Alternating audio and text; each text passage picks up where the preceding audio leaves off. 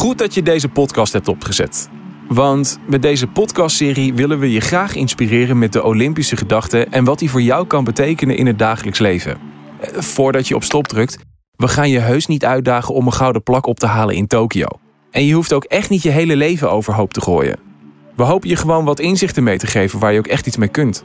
Ja, wij beginnen eigenlijk met het einddoel. Dus ik ben na Rio ben ik gelijk naar Tokio gevlogen. Je hoort Marit Bouwmeester, Olympisch zelfster over doelen stellen. Het thema voor de eerste aflevering. Ik ben naar de baai gegaan daar.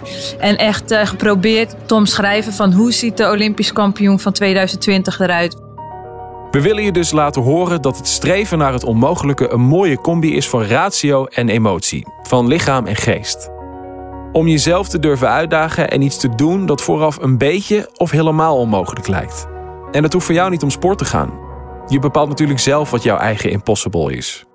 Deze serie bestaat uit zes afleveringen met elk een eigen thema, zodat je stap voor stap wat verder komt. Hierbij word je geholpen door Olympische en Paralympische atleten die het onmogelijke mogelijk maken op de Spelen in Tokio. Nou, ik, ik denk dat iedereen wel eens faalt. En ik vind falen ook wel een lastig woord. Dat klinkt meteen heel hard en alsof je misschien niet genoeg bent of goed genoeg bent. Maar zeg maar, foutjes maken maakt iedereen. En ik denk dat dat essentieel is om beter te worden. Thema's die we behandelen zijn doelen stellen, mindset, toewijding, je comfortzone en doorzetten. Daarnaast praat Anouk Hoogendijk elke aflevering met sportpsycholoog Rico Schijers. Hij maakt de mentale kant van uitdagingen duidelijk en concreet voor jou en mij. Waar heel veel sporters last van hebben, is eh, als doel eh, perfectionisme. Dus je mag geen fouten maken. Ja. Nou, dat, dat betekent dat je eigenlijk nooit tevreden bent. En, en een mens kan volgens mij niet zonder dat hij af en toe tevreden is.